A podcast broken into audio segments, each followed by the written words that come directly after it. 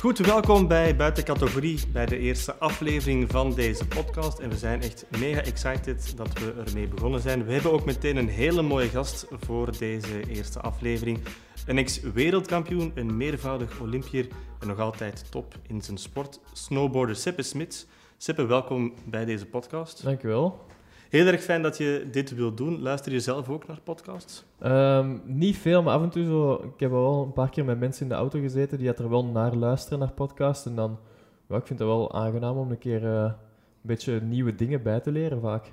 En wat doe je dan wel? Ben je dan een gamer of lees je veel boeken? Want ik kan me wel inbeelden dat je als sporter ook heel Ja. veel dode uren hebt, dat je moet rusten enzovoort. Dat valt best wel mee. Die dode uren zijn meestal dat ik eh, lange afstanden moet rijden met een auto. En ja, het is niet dat ik dan kan gamen of kan een boek lezen of zo. Dus dat is gewoon geconcentreerd op de baan. Ehm, voor de rest, ik, ik kijk wel een paar series dat ik kijk. Ehm, en sinds ja, een paar maanden geleden toch terug wat into boeken ge- geraakt. Dus ik ben nu aan het proberen om terug een, een tof boek te vinden om te beginnen lezen. Ehm, maar ja, vooral eigenlijk series kijken in mijn vrije tijd. Dus al wie een goed boek kan aanraden, mag reageren. Zeker en vast. Goed, Seppe, jij bent net terug in het land. Dat klopt inderdaad. Ja, sinds, eh, sinds afgelopen weekend net terug uit Oostenrijk. Ehm, daar eigenlijk een van de laatste, eh, mijn laatste internationale wedstrijd van het jaar meegedaan. De, de Spring Battle in Absolute Park. En ja, ik ben daar vijfde geworden, dus heel, heel tevreden nog met dat resultaat. Ehm, het is een speciale wedstrijd eigenlijk. Ehm, de riders krijgen vijf dagen de tijd om het beste van zichzelf te laten zien. En je gaat eigenlijk samen met een andere snowboarder gedurende die vijf dagen proberen je allerbeste run te filmen in de slopestyle. En het komt er dus op neer dat je eigenlijk honderd keer mocht vallen en moet maar één keer landen. En je probeert gewoon al je beste tricks achter elkaar te landen in een slopestyle run. En ehm, dan moet je dat opsturen naar een jury die al die runs naast elkaar gaat zetten om te jureren. Wat dat een immens moeilijke taak is uiteraard, want al die toppers, ja, ons niveau ligt best wel dicht bij elkaar. En als iedereen ja, de mogelijkheid heeft om het beste van zichzelf te laten zien, dan is dat niet zo simpel en ligt dat niveau gewoon keihard en al die runs super dicht bij elkaar. Daarvoor zat je in Canada, in Quebec, vierde en laatste manche van de wereldbeker Big Air was het daar. En ja, dat werd voor jou eigenlijk een fantastische wedstrijd. Zeker en vast. Ik, had, ja, had het op voorhand zeker nog niet kunnen dromen. Ehm, maar alles, alles klikte daar gewoon. En ik was eigenlijk, ja, de reis zelf was niet echt een succes. Ik was een dag te laat aangekomen, de eerste training gemist, dan eh, bagage dat niet was aangekomen. Maar ik heb niet echt gestrest. Eigenlijk, de condities waren ook redelijk goed. Normaal gezien, als we in Canada zitten, daar in Quebec, andere jaren doen ze die wedstrijd in januari en dan is daar min 20, min 30 graden. En nu, dit jaar, was het warm, zonnig. Zelfs de sneeuw, het was papsneeuw, dus eh, Papsneeuw, ja. ja, het was eh, heel uniek voor Quebec. Ik had dat nog nooit meegemaakt, dus ik voelde mijn eigen wel een beetje op mijn gemak. En eh, ja, de trainingen waren redelijk goed verlopen.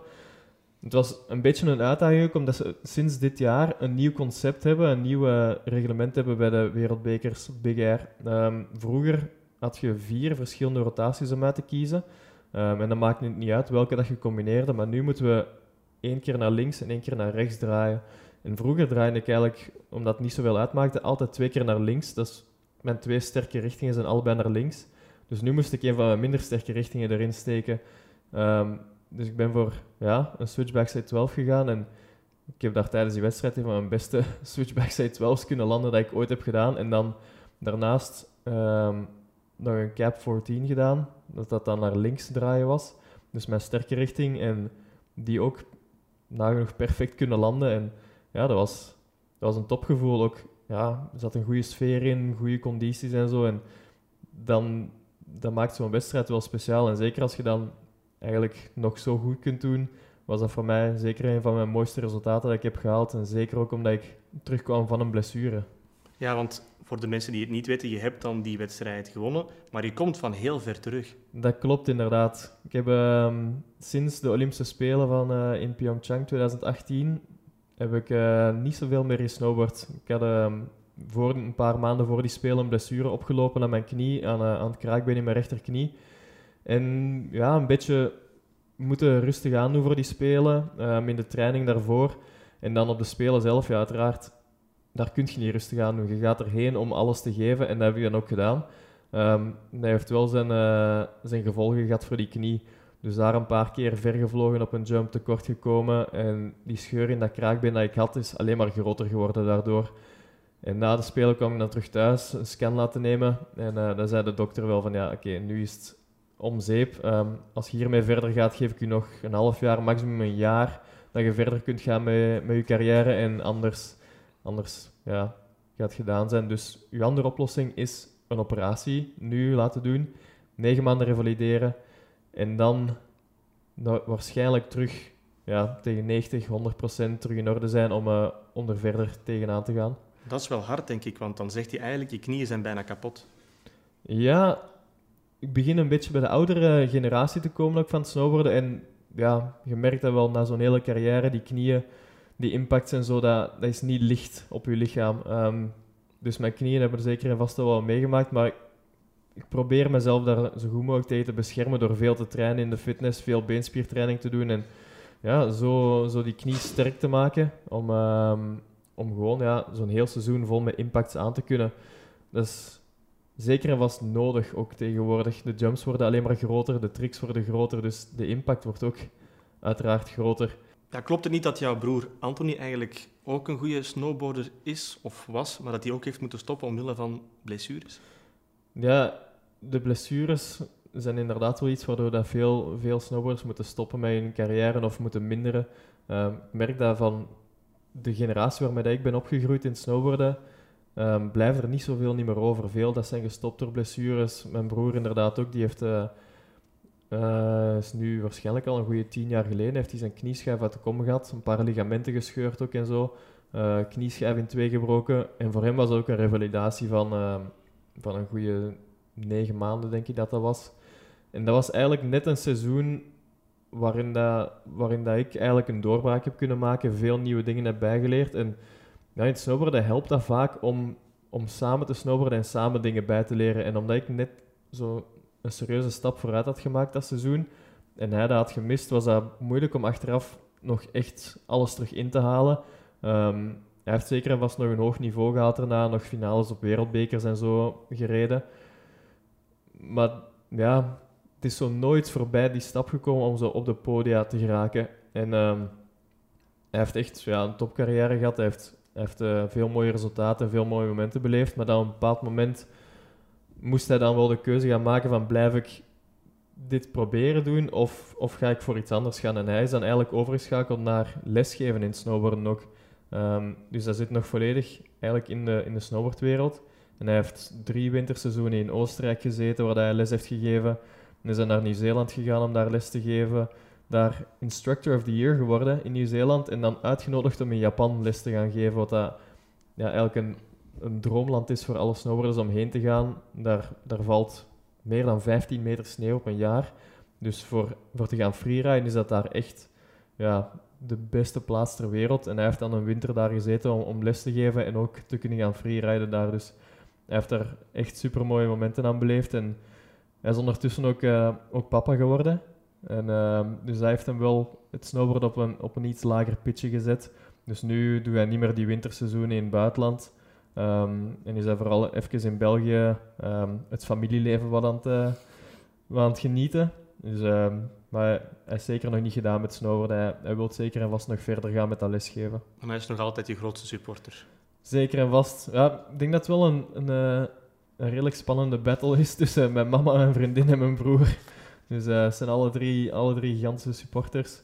Maar ja, voor mij dat nog altijd wel een beetje een idool naar wie dat ik opkijk. Um, vroeger met snowboarden en zo, altijd, altijd samen gesnowboard, heb ik altijd naar hem opgekeken. En nu ook, hij gewoon het leven dat hij nu momenteel kan leiden, is ook nog altijd prachtig. En ja, geniet er altijd van om altijd samen met hem terug te kunnen snowboarden of gewoon even ja, een avondje bij hem te zijn. Ja, dat is wel mooi, die echte broederliefde. En het is dan niet moeilijk voor hem om te zien dat jij dan wel die sprong naar de top hebt kunnen maken. Dat pikt niet een klein beetje bij hem?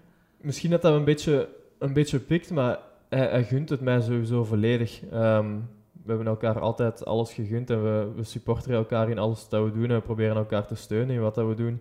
Um, dus hij vindt het ook de max om, dat gewoon te zien gebeuren en zo. En ja, hij heeft ook een deel uitgemaakt van, van die weg naar de top voor mij. Dus ja, zonder hem had ik er ook nooit geraakt. Nu nog over eh, die blessure. Wat is eigenlijk het zwaarste? Is dat dan de pijn of eerder die mentale strijd? Want zo lang oud zijn, dat is, dat is niet niks, denk ik.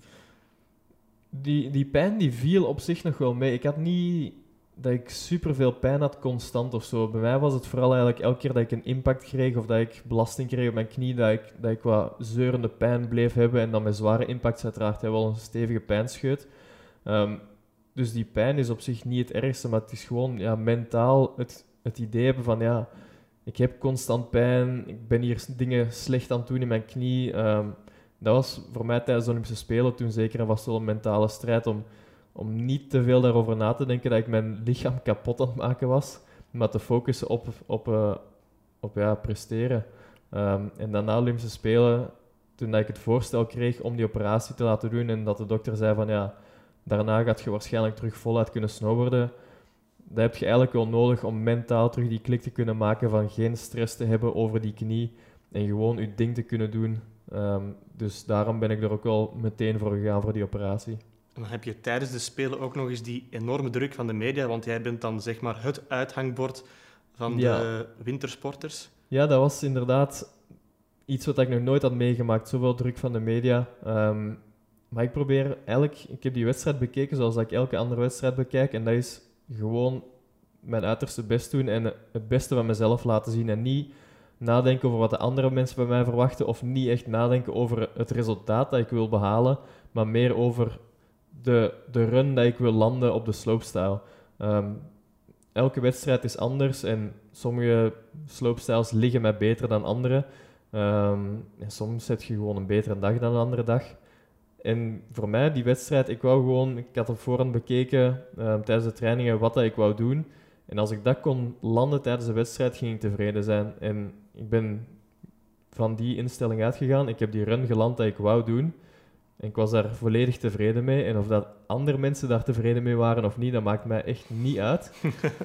ik ben tevreden over mijn prestatie en dat is alles wat dat, dat is het belangrijkste wat dat telt in, uh, in een carrière eigenlijk. En ben je nu terug 100%? Ik zit nu denk ik op een 90% van de revalidatie van, van die knie. De dokter had ook gezegd dat zo'n operatie, een kraakbeen, duurt 18 maanden voordat dat eigenlijk 100% is. En het voelt ook nog niet 100% momenteel. Ik voel als ik een dag heb met heel veel impact, waar de landing misschien een beetje vlak is, dan begint dat toch na een halve dag te zeuren, die knie. Dat ik voel van, oef, misschien moet ik toch stoppen voor vandaag, een beetje op een lager pitje beginnen rijden. En ook als ik zo twee weken aan een stuk heb gesnowboard, dan voel ik wel dat ik zeker en vast een paar dagen rust moet nemen. Af en toe heb ik daar nog pijnscheuten in, in die knie. Um, maar dat is vooral eigenlijk het nieuwe kraakbeen, eigenlijk het littekenweefsel dat zich heeft gevormd um, rond dat bot, wat dan nog niet volledig hard is geworden en wat dan nog gevoelig is. Dus het is niet een heel gevaarlijke pijn en ik heb ook nog niet te veel reactie gehad in de knie. Dus dat geeft mij wel nog altijd het zelfvertrouwen om, ja, om te zeggen dat ik op een juiste manier bezig ben, dat ik mijn knie niet aan het overbelasten ben en dat ik het niet terug kapot aan het maken ben. En dokter, uh, dokter Bellemans begeleidt mij daar ook voor een groot deel in. We hebben regelmatig nog contact via e-mails om dat ik hem een beetje feedback geef. En momenteel ziet hij het ook nog volledig positief in. En na deze winter ga ik gewoon terug een iets langere pauze nemen. Um, ervoor zorgen dat ik terug die beenspieren nog wat sterker kan opbouwen. En um, ervoor zorgen dat ik volgend seizoen nog nog sterker aan de start kan staan en dat dat kraakbeen nog iets sterker is geworden. En op die manier kan ik misschien terug op 100% staan. Dan win je eigenlijk op korte tijd, op 90%, zeg maar, uh, die wedstrijd. Weet je dan meteen, als je zo'n goede sprong hebt kunnen landen, yes, dit is hem? Meestal weet je dat wel. Het is zo echt een gevoel van voldoening als je die sprong hebt geland. Um, ja, een beetje druk dat van je schouders valt. En dan weet je van, ja, denk wel dat dit goed gaat zijn, maar we blijven wel in een sport zitten waar dat de jury de bepalende factor is. En soms staan die aan uw kant en soms niet. Ik heb, al, ik heb allebei al meegemaakt en dan hoopt je wel van, kom aan, geef mij een goede score, geef mij een goede score. En je weet dat het goed gaat zijn, maar het draait soms om één puntje. En één puntje op 100 is gemakkelijk even gemist door een jury. Of dat ze voorkeur hebben voor een andere stijl of voor, voor iemand anders. Dus um, ja, je hoopt dan wel dat de jury een beetje aan uw kant sta en dat ze u een goede score gaan geven voor die sprong. En op de wedstrijd in Quebec, met mijn laatste sprong dat ik die had geland, ik wist dat, dat ik hem goed had geland. En de jury heeft mij daar een heel mooie score voor gegeven. Dus dan stond ik daar eigenlijk te wachten. Er moesten nog een paar snowboarders na mij komen. En ik was wel een beetje aan het berekenen. Ik wist je weet wat dat de anderen kunnen, wat dat ze ongeveer gaan doen. En ik was zo'n beetje aan het rekenen van, oké, als zij dit doen, gaan zij ongeveer zoveel punten krijgen. Ik heb zoveel punten. En ik was aan het denken van, gaat wel moeilijk worden voor die anderen om nog boven mij te geraken met de tricks dat ze gaan doen. En ja, de ene na de andere dat, naar beneden kwam en dat niet boven mij scoorde. En dan ik van, dit, dit kan toch niet meer waar zijn? Zo, ja, eigenlijk ja, een jaar na mijn operatie dat ik dan direct een eerste plaats kon halen op een wereldbeker. Het was, ik had het al prachtig gevonden om, om nog eens een top 3 te halen, maar dan om direct met die overwinning te gaan lopen was echt ja, heel verbazend voor mij op dat moment. Ik was, ik was super tevreden uiteraard. Ja, dat is zalig. Ik zie je echt nog altijd glunderen. Ja, ja, ja zeker en vast. Dus, ja, dat was een, een prachtig moment en ja, ik kon het eerst niet echt geloven. Ik stond er echt zo, wow, wat is er hier aan het gebeuren? En ja, achteraf dringt dat door en was ja, heel tevreden van. Het is eigenlijk moeilijk om dat te omschrijven, maar ik ben er heel blij mee.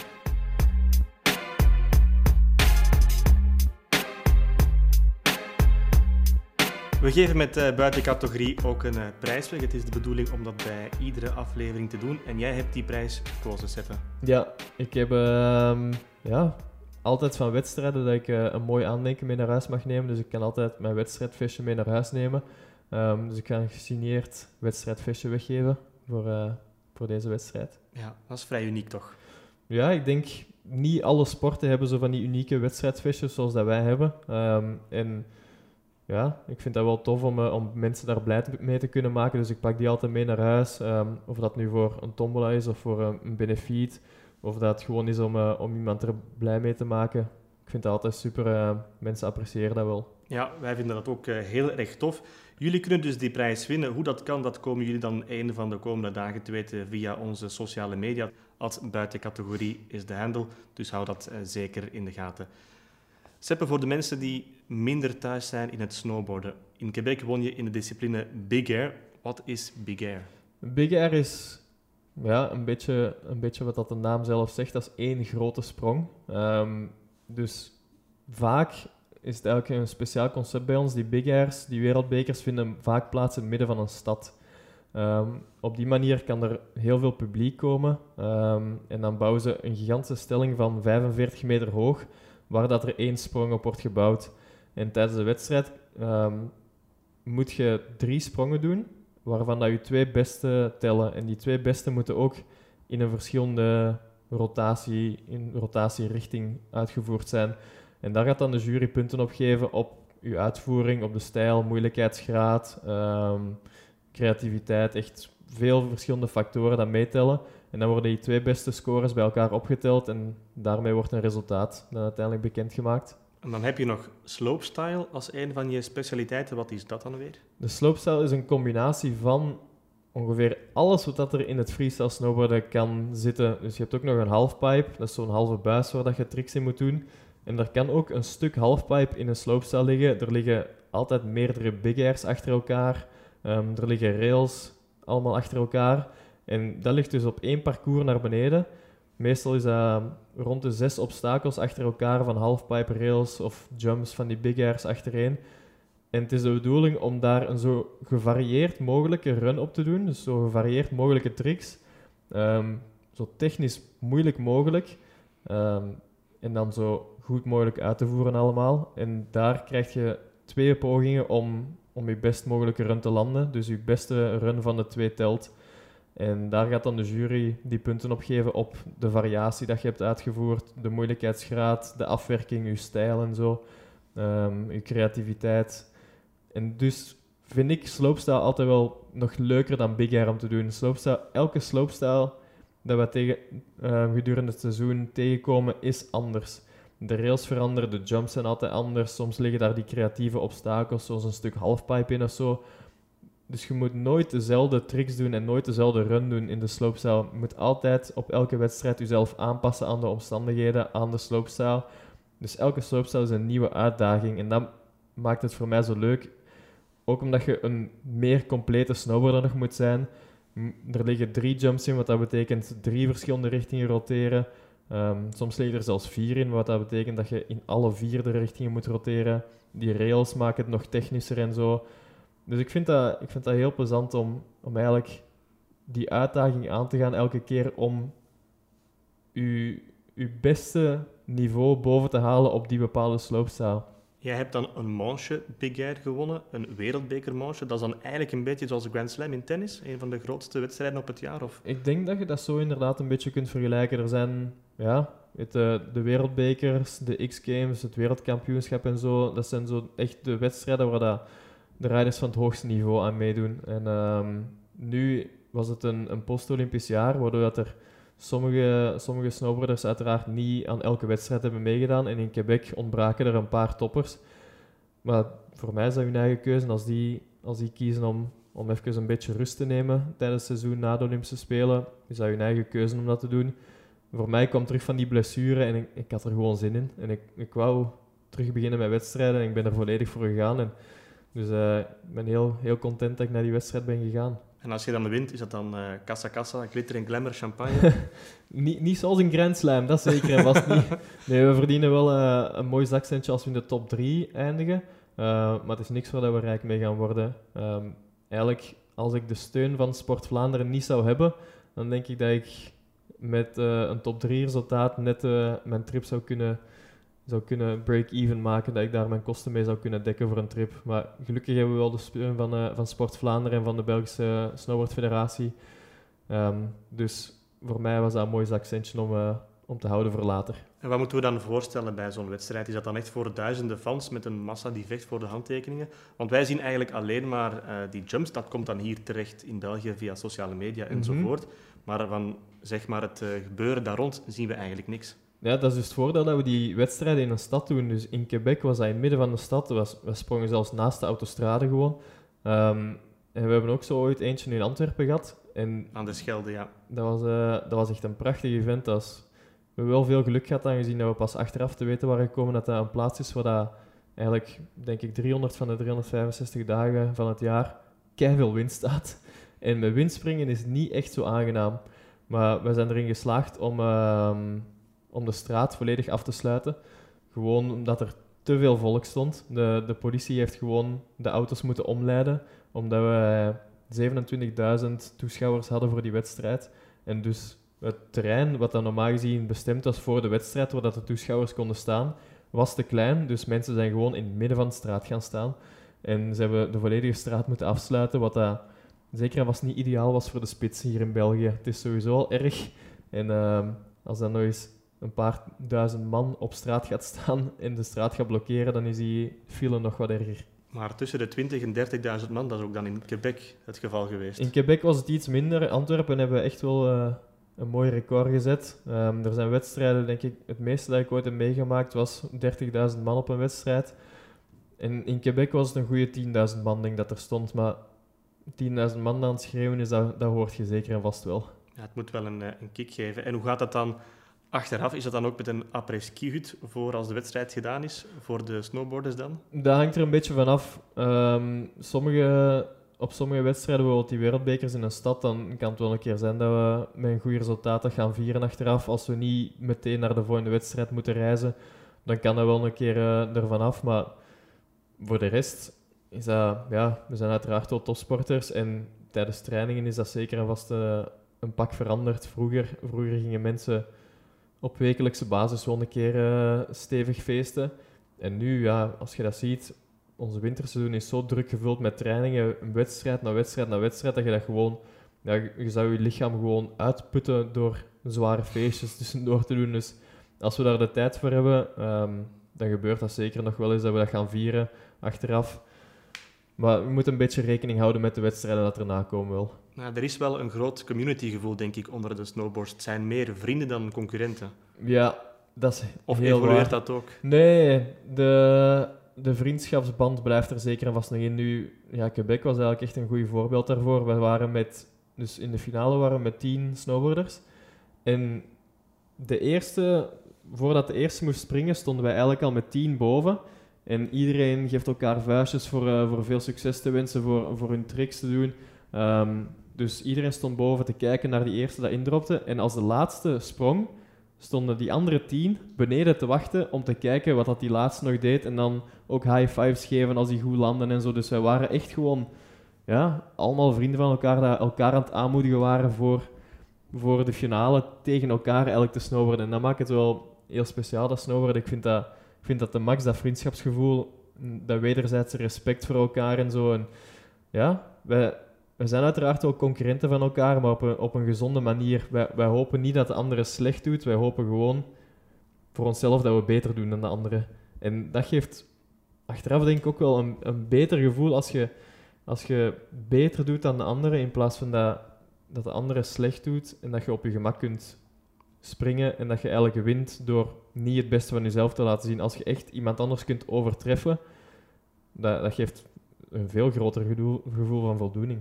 Ja, het is omdat die andere je kan uitdagen om nog beter te doen. Zo zie jij het dan. Ja, en dat helpt op lange termijn helpt dat ook alleen maar om je niveau omhoog te krikken. Ehm, dus ik vind, ik vind de max zeker als, als alle anderen het beste van zichzelf laten zien en jij kunt beter doen dan die anderen, ja, dat is, voor jezelf is dat wel een, een magnifiek gevoel. Dat geeft jezelf wel echt een gevoel van voldoening vergeleken.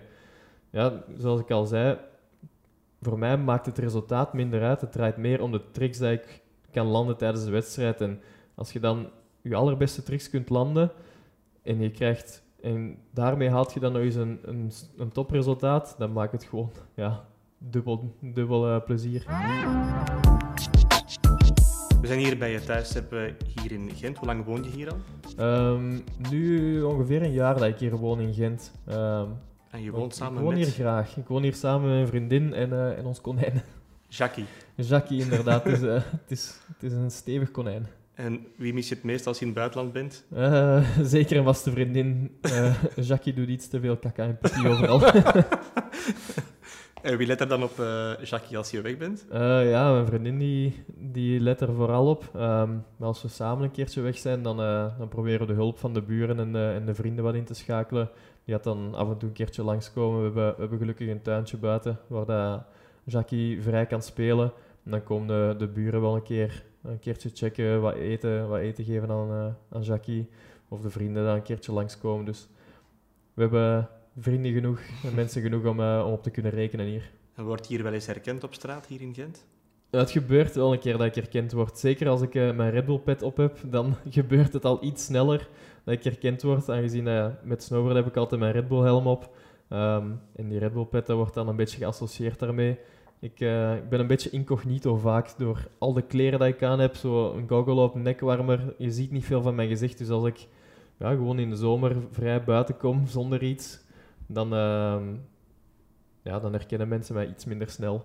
Dus ik vind dat, ik vind dat wel tof af en toe om herkend te worden. Uh, dat geeft u wel zo ja, een gevoel van erkenning voor wat dat je doet in, in snowboarden. En dat je iets, zeker en vast iets hebt bereikt ehm, binnen België maar het is nog niet in zo'n erge mate, denk ik, dat ik daar gefrustreerd ben. Want ik denk dat er ja, bijvoorbeeld voetballers in België zijn dat echt bijna niet meer buiten kunnen komen. Dat die om de vijf meter tegen worden gehouden voor een handtekening, voor een foto te maken. En dan lijkt het mij niet meer zo plezant om in een stadscentrum te leven. Dan denk je dat je eerder een huis op de boeren buiten ergens pakt, waar, je, waar dat niemand u herkent en dat je gewoon in rust kunt leven. Maar ik vind, ik vind de max om een beetje tussen het volk te leven. Ik zit ja, acht, negen maanden per jaar in de bergen in verlaten bergdorpjes, waar dat niet veel leven is. Dus dan vind ik het tof om een beetje ja, hier in de drukte te komen als ik terug naar België kom. En dat ik ook niet ja, 50 kilometer moet rijden om al mijn vrienden te zien. Veel van mijn vrienden wonen hier in Gent, dus dat is gewoon een keer s'avonds afspreken, een pintje gaan drinken met iedereen. En op die manier zie ik al mijn vrienden redelijk vlot terug. Want je bent eigenlijk afkomstig van Malle, als ik het goed heb. Klopt, ja. ja. En hoe wordt je dan als mallenaar in godsnaam professioneel snowboarden? Hoe gaat dat dan? Ja, dat is inderdaad een vraag waar ik geen perfect antwoord op heb. um, het is gewoon een beetje uit de hand gelopen hobby voor mij. Ik ben daarmee begonnen toen ik negen jaar oud was, met de ouders op skivakantie gewoon. En ik vond dat zo plezant, leuker dan alle andere sporten die ik in België had gedaan. Dus in plaats van dat ik naar tennistraining of vroeger deed ik ook basketbal, dat ik in plaats van basketbaltraining ging doen, um, brachten mijn ouders mij naar de indoorpiste in België om daar te gaan snowboarden. En ja, na een tijdje, dat bleek wel goed te gaan, een wedstrijdje proberen. Um, goede resultaten halen die wedstrijd. En dan gewoon meer en meer willen constant. Je, niveau ehm, wordt hoger. En dan een keertje naar het buitenland een wedstrijd proberen. Ehm, dus ik had gelukkig mijn ouders wel die aan mij volop steunden. En ook het geluk dat mijn broer samen met mij op hoog niveau um, wou snowboarden. Dus zij reden dan wekelijks twee, drie keer naar, uh, naar de indoorpiste, wat dat bijna een uur rijden was vanuit, vanuit Westmalle. En dan regelmatig een keertje een weekend naar de bergen. Dus wij sprongen donderdagavond in een auto. Um, vrijdag hadden wij training, zaterdag, zondag wedstrijd en zondagavond terug in de auto om terug naar huis te gaan. Um, mijn, mijn, broer en ik sliepen op de achterbank. Mijn ouders die reden de hele weg. Dus voor mij was dat niet zo pittig, maar voor mijn ouders was dat heel pittig.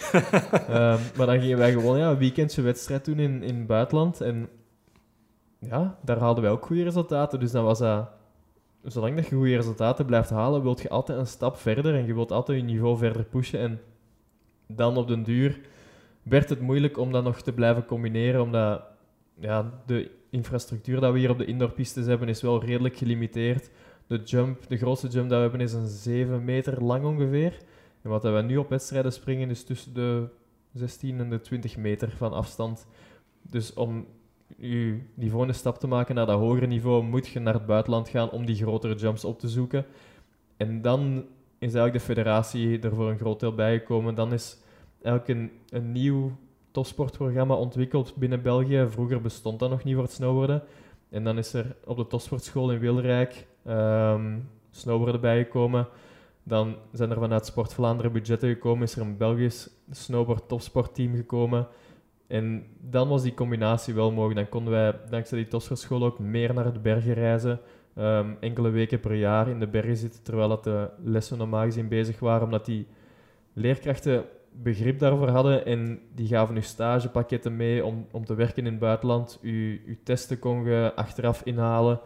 Dus zij, zij snapten wat dat, dat was, eigenlijk het leven van een topsporter. En op een gewone school heb ik wel een keertje horen vallen van de leerkrachten van ja, als jij op vakantie wilt gaan, mij niet gelaten, maar ik zou ook wel op vakantie willen gaan, dus ik ga je niet helpen als je terugkomt. Dus dat was wel nodig, die, die stap naar die topsportschool. En op die manier heb ik dan wel die volgende stap op kunnen maken naar die zottere tricks en naar de Europese wedstrijden, naar de wereldbekerwedstrijden. En is het dan voor jou een hobby gebleven of ben je iemand die toch maniacaal met zijn sport bezig is? Um, ik, ga, ik ga het nooit mijn job noemen. Um, voor mij blijft het een passie eigenlijk dat ik heb kunnen uitbouwen tot eigenlijk mijn, mijn, ja, mijn, mijn vorm van inkomen. um, nee, het is ja, vroeger had ik dat nooit kunnen dromen, eigenlijk, dat ik daarin zo ver zou kunnen geraken. En voor mij, uiteraard, is dat wel wat professioneler geworden. Um, maar het is nog geen opoffering of zo. Het is zeker een topsport geworden, maar het blijft voor mij grootste deel plezier nog altijd. Dus een hobby is het niet, maar het blijft wel een passie voor mij om het snowboarden te doen. En dat moet er wel in blijven zitten, zeker omdat het is ook een extreme sport en moet er wel ja, wat risico's voor nemen. Ik denk, als je dat plezier en die passie niet hebt, dan gaat je nooit de risico's nemen om die, om die nieuwe tricks bij te leren en die risico's te nemen. Iedereen kent jou eigenlijk als zeg maar een, een chille gast, een chille, ontspannen snowboarder, een beetje het typerende beeld van een snowboarder. Klopt dat ook met hoe je in elkaar zit, of wat voor een persoon is Seppe Smits? Ik ben wel een rustig persoon, zeker. Um, beetje, beetje perfectionistisch vaak. Wat dat, dat is ook een manier waarop dat ze mij in het snowboarden vaak omschrijven, is ja, ik, ik kan mijn tricks graag 100%. Dus als ik, als ik ergens aankom op een jump en ik wil een bepaalde trick doen, dan lukt die meestal van de eerste keer of anders van de tweede keer dat die wel meteen lukt. En dat is gewoon omdat ik geen stappen wil overslaan en als ik iets train, dan wil ik, wil dat perfect kunnen voordat ik de volgende stap ga maken. Um, en ik vind dat wel, ja, dat heeft ook mijn manier van snowboarden zo'n beetje ontwikkeld, dat ik ja, op wedstrijden ook met iets minder stress vaak aan de start kan staan, omdat ik die tricks, omdat ik zo zeker ben van die tricks, dat ik tijdens wedstrijden er niet te veel om moet stressen, dat ik gewoon mijn ding kan gaan doen. En ze hebben, dat is wel grappig, want ze hebben ooit een hartslagmeter aan alle atleten gegeven op een wedstrijd. En ik stond aan de start met een hartslag van 70. en, en, ja, de commentators konden dat echt niet geloven. En ik, ik kan dat zelf ook nog altijd niet echt geloven. Ik heb tot nu toe twee keer stress gehad op een wedstrijd. En dat is in 2014 in Sochi en 2018 op, in Pyeongchang. En, Toch ja, op de is- Olympische Spelen dan. Dat is raar. Ik had dat nog nooit meegemaakt en plots kreeg ik zo'n raar gevoel in mijn buik. En dan is zo, maar hé, waarom, wat is dat? Waarom heb ik hier stress voor? Want ik denk dat dat gewoon is, ja, je bouwt er zo lang naar op, naar die wedstrijd. Al die media-aandacht dat erbij komt en dan staat je daar aan de start en je probeert dat wel zo van je af te schermen, maar toch ergens ver van achter in je hoofd denk je dat dat zo even omhoog komt poppen en dan denk je dan, ah ja, ik sta op de Olympische Spelen. En dan krijg je zo even dat gevoel, maar op andere wedstrijden heb ik dat dus niet. Op andere wedstrijden kan ik gewoon aan de start staan en gewoon mij concentreren op wat dat ik wil doen. En dan maakt het me echt niet uit wat, dat, wat, dat er, gaat, wat dat er gebeurt of wat dat er van mij verwacht wordt. Dan ga ik me gewoon mijn eigen ding doen, zoals dat ik op een training zou doen. Dat is dan misschien wel jouw perfectionistische kantje. Dan sta je op de Spelen, dan kijkt heel België, dan wil je net op dat moment het goed doen. Is misschien een nadeel inderdaad om perfectionistisch zijn dan op dat moment, maar Dat zal het toch wel zijn. Het kan bijna niet anders. het ding is wel dat na Sochi had ik zoiets van, oké, ja, ik had daar stress, maar ik heb wel mijn run perfect kunnen landen, dus maakt niet uit dat ik stress heb. Die stress die mag er zijn, maar ik kan het nog altijd waarmaken onder, onder druk, dus waarom zou ik de volgende keer stressen? Maar toch heb ik het gedaan, terug in Pyeongchang. en toch is het weer gelukt. Oud ben je nu? Ik ben nu 27. En je bent een veteraan. Ze noemen mij de veteraan ondertussen in het snowboarden. En ja, ik, ik check eigenlijk nu voor de lol elke keer voor een wedstrijd die startlijst wel om te kijken of dat ik de oudste ben. En ik ben altijd blij als er iemand ouder is dan mij nog, omdat ik dan nog niet de oudste ben op die wedstrijd. Maar ja, als ik binnenkort de oudste ben, kan mij eigenlijk niet schelen. Dan eh, ga ik gewoon laten zien wat dat de oudste van de wedstrijd nog altijd kan. En, Want wat is voor jou de kick eigenlijk van het snowboarden? Waarom doe je het nog altijd? Ehm, ik vind het gewoon plezant om... Ja, ik vind het leuk. Om Ik in de lucht te leuk, vliegen. Ja, in de lucht vliegen. En die vrijheid om jezelf te kunnen uitdrukken in snowboarden. En gewoon ook omdat eindeloos veel mogelijkheden heeft om te snowboarden. Elke trick, er zijn ja, honderden verschillende tricks dat je met verschillende grabs kunt doen. Dus je plank op verschillende manieren vastnemen. Je kunt dat, elke jump is anders. Dus je moet je eigenlijk altijd aanpassen. Alles is een nieuwe uitdaging. En dat maakt het, dat maakt het snowboarden zo, zo leuk dat nooit... Het is nooit hetzelfde. En ook, ja, ik heb nog altijd tricks in mijn hoofd zitten dat ik wil bijleren. En ja, die uitdaging blijft er voor mij in zitten om, om mijn niveau verder te pushen en te zien tot waar dat ik kan geraken. Ehm, ik, vind dat, ik heb dat nooit met iets anders, een andere sport gehad, dat ik zo, zo'n drive had om, om mijzelf te pushen en dingen bij te leren en nieuwe dingen te proberen. En dat is sinds dag één de reden, denk ik, waarom dat ik snowboarden zo leuk vind, is gewoon omdat er zoveel uitdagingen zijn en dat nooit, nooit saai wordt. En is het dan alsof de, de, de tijd stilstaat in de lucht of dat het trager gaat? Het, denk het dat het gaat zeker in en slow vast- motion Het gaat zeker en vast in slow motion. Ja, dat is wel speciaal. Ik denk dat je zo geconcentreerd bent dat je eigenlijk alles... Je denkt enkel aan wat dat er aan het gebeuren is bij die trick. Enkel wat dat je moet doen. Je bent zo geconcentreerd op te kijken naar die landing. Hoeveel tijd heb je nog? Ook elke jump, je moet in de lucht nog correcties maken altijd. Je zet af, je gooit je truc in, maar je weet nooit exact hoe ver dat je gaat vliegen. Dus als je verder vliegt, dan weet je dat je je rotatie in de lucht een beetje moet vertragen. Als je wat korter komt, moet je die nog wat versnellen. Ehm, als je tijd over hebt, dan kun je nog een beetje extra ervan genieten. Kun je je grijp nog uittweaken, dat je zo wat gestrekt gaat hangen in de lucht of zo. Dus ja, in de lucht zit je met zoveel dingen bezig dat dat, dat, dat eigenlijk lijkt alsof je meer tijd hebt dan dat er effectief voorbij gaat. Meestal is dat een goede 2,5 seconden dat we in de lucht hangen. Maar in mijn hoofd is dat zeker dubbel. Heb je het gevoel dat je met zeg maar, gelijke wapens kan strijden tegenover de concurrenten uit het buitenland op vlak van ondersteuning, financiële ondersteuning?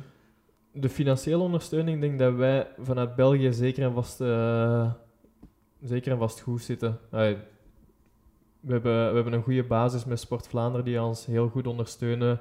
eh, met, de, met de federatie, dat we alle nodige trainingen en wedstrijden kunnen doen die we doorheen een jaar willen doen. Maar zonder een sponsor is het eigenlijk niet haalbaar als snowboarder. het, het leven naast het snowboarden is totaal niet meer haalbaar als je, als je die steun niet hebt. En ook, ja, niet 100% van onze trips worden allemaal gefinancierd door, door Sport Vlaanderen. Dus degenen die niet worden gesteund, daarvoor moet ik mijn eigen sponsorgelden nog aanspreken. Je hebt er twee, dacht ik. ik heb, er, ik heb er drie eigenlijk, maar de twee hoofdsponsors zijn inderdaad Red Bull en Skoda. En daarnaast zit ik ook nog ehm, bij Absolute Park, dat is een snowpark in Oostenrijk. Waar je dan vorige week bent geweest. Ja, en ja, die, die steunen mij ook dat ik daar elk op jaarbasis kan ik daar ongeveer gratis terecht. Dus ik heb de skipas, die hebben daar een, een appartement voor al hun teamriders. Dat je weet, als je daarheen gaat, ehm, kan ik daar verblijven. En dan weet ik ook dat er daar een paar andere snowboarders zullen zitten. Dus dat is altijd gewoon gezellig om daarheen te gaan. En ze hebben een van de beste parken van Europa om te gaan trainen. Dus dat is eigenlijk uh, alleen maar een win-win situatie voor mij. Maar het is dus niet dat je binnen zou zijn op het einde van je carrière? Jammer genoeg niet. Was het maar waar. Maar, uh, ja, was het maar waar. Maar ik zou het, het geld niet willen opofferen voor het plezier dat ik momenteel beleef aan de sport. Dus ja, een andere sport waar dat ik minder plezier aan zou beleven, maar meer geld, zou ik niet willen inruilen voor het snowboarden. Ik denk, zelfs als ik bakken met geld zou verdienen met snowboarden en later multimiljonair zou zijn, dan zou ik nog altijd gaan werken. En gewoon nog altijd een bezigheid willen hebben later en een andere passie achterna streven. Gewoon... Jezelf blijven uitdagen. Ja, dus het snowboarden zal waarschijnlijk ooit wel stoppen op hoog niveau. Maar om dan ja, eventueel een andere branche van snowboarden verder te gaan, um, als trainer of als, als teammanager. Um, het zal, het zal waarschijnlijk sowieso iets in de sportwereld gaan zijn. Ik denk niet dat ik ooit opgesloten ga kunnen zitten van een 9 to 5 in een office job. Ik denk dat na het leven dat ik momenteel heb geleid, dat ik ja, constant buiten zit iedere dag. Dat ik nooit mezelf kan terugbrengen naar, uh, naar opgesloten zitten in een kantoor. Dus het zal liefst van al iets zijn waarmee dat ik veel buiten kan komen en waarbij dat ik veel beweging kan hebben. Maar stoppen, dat is nog niet voor meteen, uiteraard, want er zijn nog de Olympische Spelen in Peking. Dat is nog wel ver weg. Haal je die nog, denk je? Drie jaar, Peking? Ik ga, ik ga wel proberen om die te halen. Um, dus ja, we gaan zien over drie jaar. Drie jaar kan veel, er kan veel veranderen. Nu, momenteel is die knieblessure heel erg goed teruggekomen eigenlijk. En ben ik er wel redelijk van overtuigd dat, dat die knie het zeker en vast nog aan kan. Maar ik wil het ook niet voor mijn carrière uitmelken of zo. Ik wil zeker en vast proberen om, om nog mee te draaien met de top. Ehm, en nog zo lang mogelijk te genieten van al die wedstrijden. En als ik naar die spelen kan gaan, zou het echt, zou het echt prachtig zijn. Maar ik weet niet of dat nog voor een topresultaat zal zijn. Um, dat ga ik pas weten tegen dat die spelen er zijn op drie jaar tijd. Kan er nog veel veranderen. Er kunnen veel Japanse tieners bij komen die uh, kamikaze ineens allerlei zotte tricks gaan, gaan gooien. Um, en voor mij, ik moet uiteraard ja, mijn niveau ook nog opkrikken. Ik heb nu mijn niveau teruggehaald wat ik voor mijn blessure had. Um, maar de anderen hebben, er zijn er veel die aan een stap vooruit hebben kunnen zetten. En die stap moet ik nu ook nog altijd inhalen. En um, dan volgend seizoen gaan er weer nieuwe tricks bij komen. Dus moet ik ook mijn niveau blijven omhoog halen. Um, ieder jaar wordt zotter en zotter in snowboarden. Dus het blijft een constante uitdaging om, om, nieuwe, om nieuwe dingen bij te leren en met dat jong geweld mee te kunnen draaien. Maar ik geef het zeker vast nog niet op. En zolang dat ik, kan, uh, dat ik die tricks aan kan, dan blijf ik nog wel verder gaan. En of dat dan nu tot aan de Spelen in, in Peking is of, of twee jaar daarvoor of nog veel langer, dat maakt mij niet uit. Ik, uh, ik wil nog zo lang mogelijk genieten van snowboarden. Heb je het gevoel dat je nog iets te bewijzen hebt op die spelen of op andere wedstrijden? Ik heb op wedstrijdvlak niet echt het gevoel dat ik nog iets te bewijzen heb. Um, ik ben twee keer wereldkampioen geworden, wat dat echt prachtig is. Een aantal wereldbekers gewonnen in mijn carrière. Um, ja, die Olympische Spelen. Ik heb, ik heb geen Olympische medaille momenteel, maar ik heb, ik heb er wel twee al meegedaan. Um, en ik heb twee keer een, een, prachtige prestatie kunnen leveren voor mezelf. sommige mensen zullen er misschien anders over denken. Maar ik ben heel tevreden van mijn prestaties op de Olympische Spelen. Um, en ja, mijn carrière momenteel ga ik zeker en niet klagen over wat ik al heb gehaald. En hetgeen wat ik nu nog verder wil afwerken, is niet per se dat ik nog het gevoel heb, oké, op die wedstrijd wil ik dat resultaat nog halen, op die wedstrijd dan nog. Ik heb nog een paar tricks eerder in mijn hoofd dat ik wil bijleren. Um, en dat zou prachtig zijn om die nog een keertje te kunnen doen tijdens een training. En hopelijk als, als past ook nog eens in een wedstrijd. Um, maar voor de rest zijn er vooral het andere aspect van snowboarden wat ik ook nog veel wil doen. Je hebt de competitieve kant, maar je hebt ook de meer artistieke kant met filmen en fotoshoots ehm, en creatieve projecten doen en zo. En daar zijn sponsors ook vaak in geïnteresseerd. En zeker Red Bull zijn daar zeker en vast stoppers in om zo van die creatieve projecten te doen, dingen die nog nooit eerder zijn gedaan. Ehm, dus ik zou er zeker en vast die, die kant van snowboarden nog een beetje willen ontdekken. Ehm, om ja, eigenlijk zo te gaan freeriden op bergen waar daar nog niet veel mensen zijn geweest. Ehm, ik ga dat nu deze zomer voor het eerste keertje testen dat ik naar eh, een berg ga beklimmen in Kirgizië. Um, waar, dat, waar dat ik dan naar beneden ga snowboarden samen met een paar andere Belgische snowboarders. Dus dat wordt eigenlijk een eerste test om een keer te zien of dat, dat iets voor mij is of dat, of dat ik misschien eerder naar een andere richting moet gaan. Dus dat zijn nieuwe uitdagingen dat ik wel een keertje wil, uh, wil aangaan. Wel heel cool, hè? Heel tof sowieso. Het is, uh, het is heel anders dan wedstrijd snowboarden. Omdat wedstrijden is echt gewoon ja, gefocust u op, op tricks bijleren. Maar hier komt de hele kant van organisatie en zo erbij. Um, sponsors zien te vinden dat, dat je willen steunen voor zo'n project.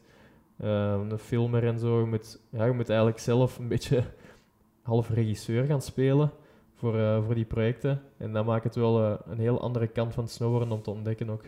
We komen stilaan aan het einde van de podcast. We hebben misschien nog een, uh, een, vraagje. Stel nu dat je zou kunnen teruggaan in de tijd en je komt de jonge, de jonge Seppe Smits tegen, de jonge versie van jezelf. Wat zou je dan nog als advies met jezelf meegeven?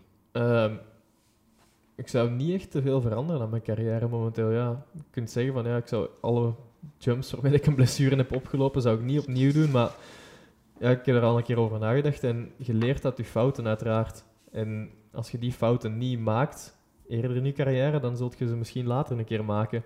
Dus ik ben wel tevreden met hoe dat ik mijn carrière momenteel heb, uh, heb afgewerkt. Um, en momenteel heb ik nog geen spijt aan bepaalde keuzes die ik heb gemaakt. Ik zou, ik zou gewoon zeggen van ja, have fun. Doe, doe je ding.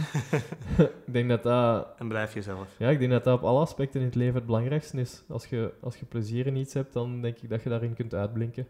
Oké, dan gaan we met deze mooie woorden afronden. Vond je het een beetje plezant, Seppe? Heel tof, ja. Heel uh, toffer dan de meeste interviews.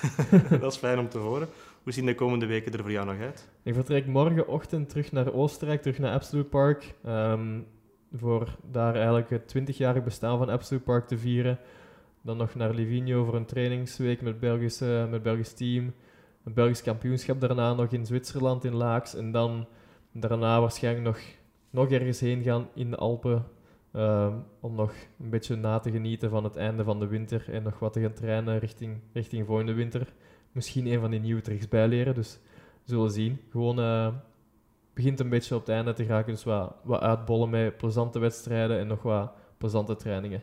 Goed, dan wensen we je alvast heel veel succes toe. Merci. En nogmaals ontzettend bedankt dat je onze eerste gast wou zijn hier bij Buiten Categorie. Alright, merci.